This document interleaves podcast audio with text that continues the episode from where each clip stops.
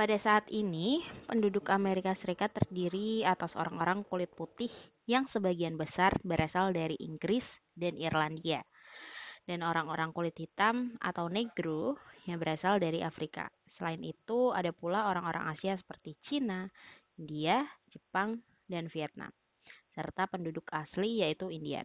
Sebagaimana negara maju lainnya, sebagian besar penduduk Amerika bekerja di luar sektor pertanian atau yang mengandalkan sumber daya alam. Komposisi penduduk berdasarkan sektor pekerjaannya, yaitu sektor manajerial, profesional, dan teknik sebesar 34,9 persen, penjualan dan perkantoran sebesar 25 persen, manufaktur, transportasi, dan keahlian sebesar 22,9 persen, sektor jasa lainnya sebesar 16,5 15%. Sektor pertanian, kehutanan, dan perikanan hanya digeluti oleh sebagian kecil 0,7%.